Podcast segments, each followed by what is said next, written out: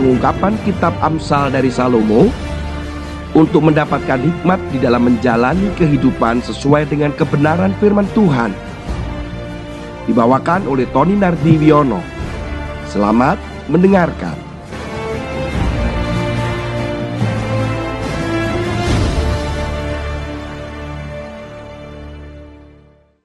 Shalom. Kita masuk dan saat ini ada di Amsal pasal yang pertama, ayat yang ke-10 sampai ayat yang ke-14. Demikian firman Tuhan. Hai anakku, jikalau orang berdosa hendak membujuk engkau, janganlah engkau menurut. Jikalau mereka berkata, marilah ikut kami, biarlah kita menghadang darah biarlah kita mengintai orang yang tidak bersalah dengan tidak semena-mena. Biarlah kita menelan mereka hidup-hidup seperti dunia orang mati, bulat-bulat seperti mereka yang turun ke liang kubur. Kita akan mendapat berbagai benda yang berharga. Kita akan memenuhi rumah kita dengan barang rampasan. Buanglah undimu ke tengah-tengah kami, satu pundi-pundi bagi kita sekalian. Firman Tuhan ini ayat demi ayat masih saling terkait. Menarik sekali karena dikatakan demikian. Ini berbicara tentang bujukan. Bagaimana ketika kita menghadapi bujukan orang berdosa. Saudara, bujukan ini kalau dengan bahasa yang sederhana dan mudah adalah rayuan. Kapan kita terayu atau terbujuk?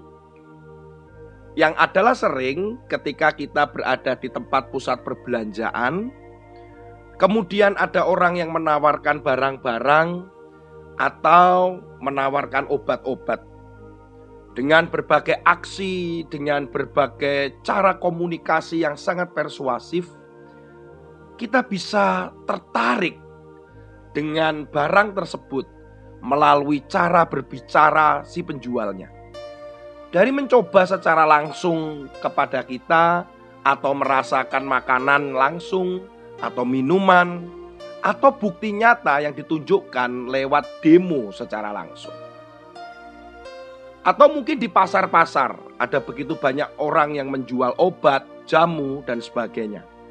Banyak orang yang ada di sana kemudian terbujuk dan akhirnya membeli barang itu satu demi satu tanpa sadar uang yang dikeluarkan sudah berlebihan dari anggaran yang dimiliki mereka. Itu berbicara bujukan, berbicara tentang bagaimana kita eh, membeli tanpa kita sadar karena rayuan sebuah produk. Tetapi firman Tuhan hari ini dia berkata bahwa kalau seandainya orang berdosa itu hendak merayu atau membujuk kita, Dikatakan bahwa janganlah engkau menurut, jangan mengikuti. Saya mencoba kapan sih manusia itu mudah terbujuk. Manusia itu mudah terbujuk itu apabila yang pertama adalah kondisinya terdesak atau tertekan karena kebutuhan. Ketika ada kebutuhan, kemudian waktu yang mendesak, tekanan yang lain, ekonomi dan sebagainya, maka apa pun rayuan ajakan itu bisa saja diturutin. Contoh adalah ketika tidak ada uang atau kesulitan akan keuangan, ada orang yang merayu atau mengajak untuk mencuri. Yaitu karena memang kondisinya terdesak, tertekan karena kebutuhan. Yang kemungkinan kedua adalah memang dia memiliki keinginan yang sama. Manusia memiliki keinginan sama dari orang lain yang berusaha merayu. Nah, juga bisa. Yang ketiga adalah kondisi jiwanya dan rohaninya lemah. Dalam kondisi lelah. Jasmani juga bisa saja mungkin lelah.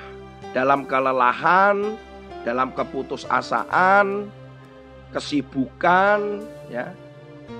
Saat seperti itulah tidak ada pertimbangan-pertimbangan yang akhirnya bisa terbawa dalam bujukan atau rayuan atau ajakan orang. Tanpa peduli resiko, atau kegiatannya apa. Dan yang terakhir manusia itu bisa dibujuk kalau dia memiliki sakit hati atau dendam dengan seseorang atau dengan sesuatu. Bisa jadi bahwa karena dia punya sakit hati, dia punya luka, kemudian dibujuk untuk melakukan sesuatu, maka itu menjadi satu bentuk dendam. Keempat hal itu yang memungkinkan manusia dibujuk. Semoga saudara tidak ada dari keempat-empatnya itu. Kalau toh di antara satu dari keempat itu, mari kita bertobat dan kita mendengarkan tulisan dari Salomo bahwa hati-hati bahwa kita jangan sampai terbujuk oleh orang-orang yang memang punya niat jahat atau orang-orang itu adalah orang-orang berdosa.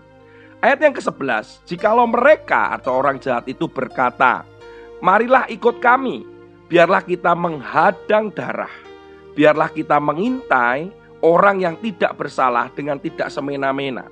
Yang pertama, ajakan itu yang tidak boleh kita ikuti adalah ajakan untuk berbuat jahat.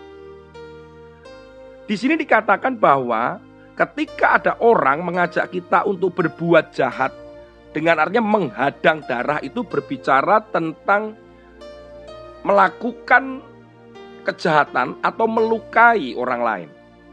Bahkan di situ dikatakan bahwa biarlah kita mengintai.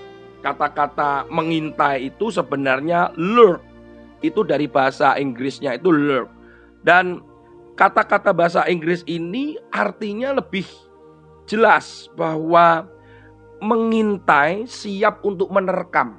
Jadi sembunyi, mengintai, siap untuk menerkam atau menyerang.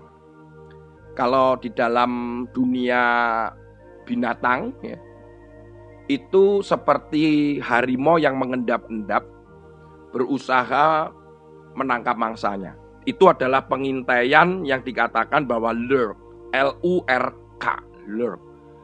Nah, siapa yang diintai? Ternyata orang jahat ini bisa saja mengajak kita untuk mengintai orang yang tidak berdosa. Orang yang tidak bersalah, orang yang tidak kita kenal dengan tidak semena-mena. Dalam bahasa lain dikatakan di dalam terjemahan yang lain dikatakan bahwa tidak ada alasan. Jadi memang ingin melakukan sebuah kejahatan melukai pada orang-orang yang tanpa alasan. Ini yang pertama, hati-hati ajakan untuk berbuat jahat. Yang mana sifatnya adalah melukai. Yang kedua adalah di ayat yang ke-12. Biarlah kita menelan mereka hidup-hidup seperti dunia orang mati. Bulat-bulat seperti mereka yang turun ke liang kubur. Ini adalah satu perbuatan yang sepertinya kaitannya dengan kematian. Pembunuhan. Karena berkata biarlah kita menelan mereka hidup-hidup seperti dunia orang mati. Pembunuhan belum tentu secara fisik, saudara. Tapi pembunuhan ini bisa dengan bentuk lain.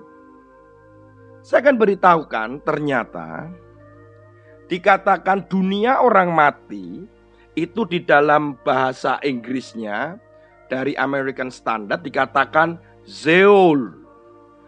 S H E O L, Zeol. Ternyata kata-kata itu juga sesuai dengan bahasa Ibraninya. Apa itu orang mati?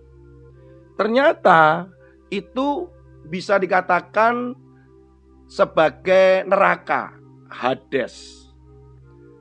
Tetapi di dalam arti yang lain bisa lebih dalam daripada itu, yaitu begini. Adalah tempat orang yang tidak bisa melarikan diri. Tempat yang tidak ada harapan. Tempat di mana tidak ada kegiatan ataupun aktivitas. Tempat yang hampa pengetahuan, hampa hikmat, bahkan tempat di mana orang sudah tidak bisa lagi memuji Tuhan. Tempat yang gelap, hening, dan sepi.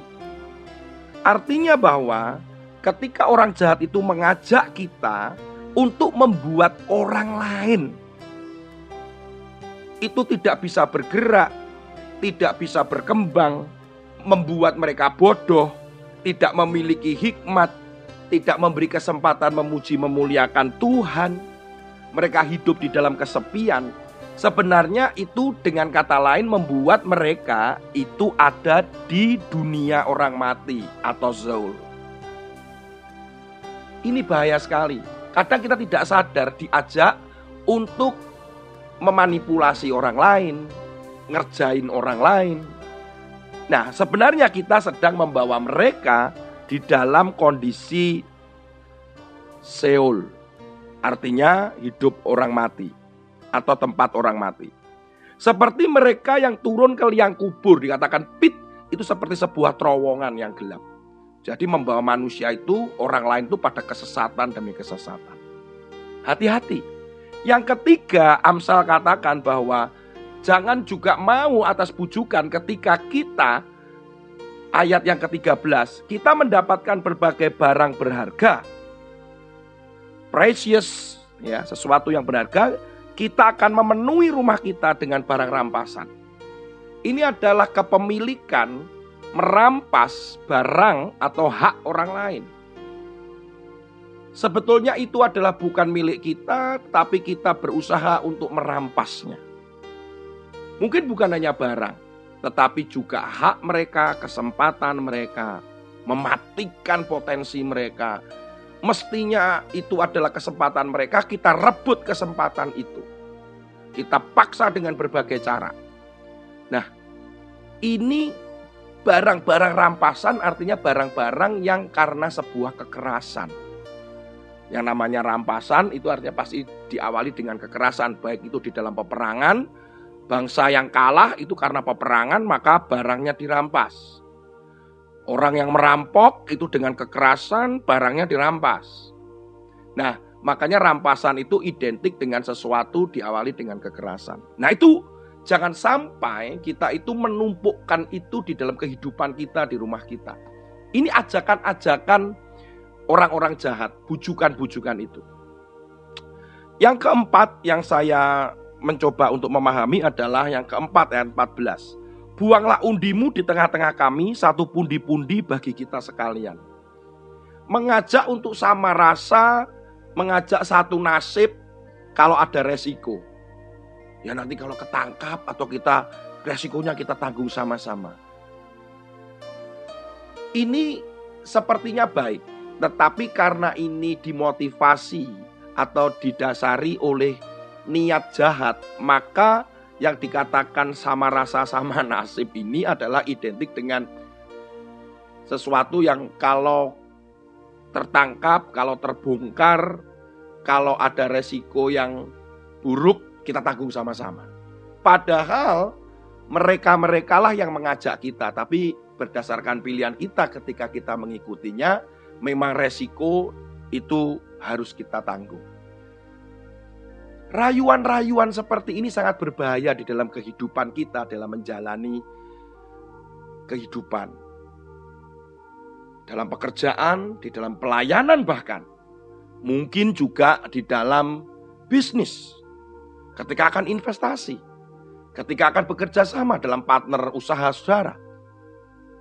Ketika ingin memulai atau startup sebuah pekerjaan atau sebuah bisnis baru.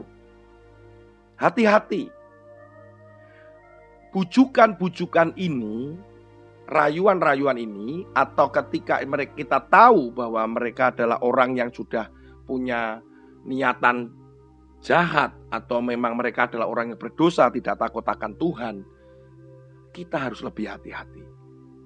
Karena di dalamnya penuh dengan perbuatan jahat, pembunuhan secara karakter, pembunuhan dalam kesempatan, potensi, kemudian merebut hak orang dan menganggap senasib. Hati-hati, apalagi kita dalam keadaan lemah secara jiwa, secara spirit.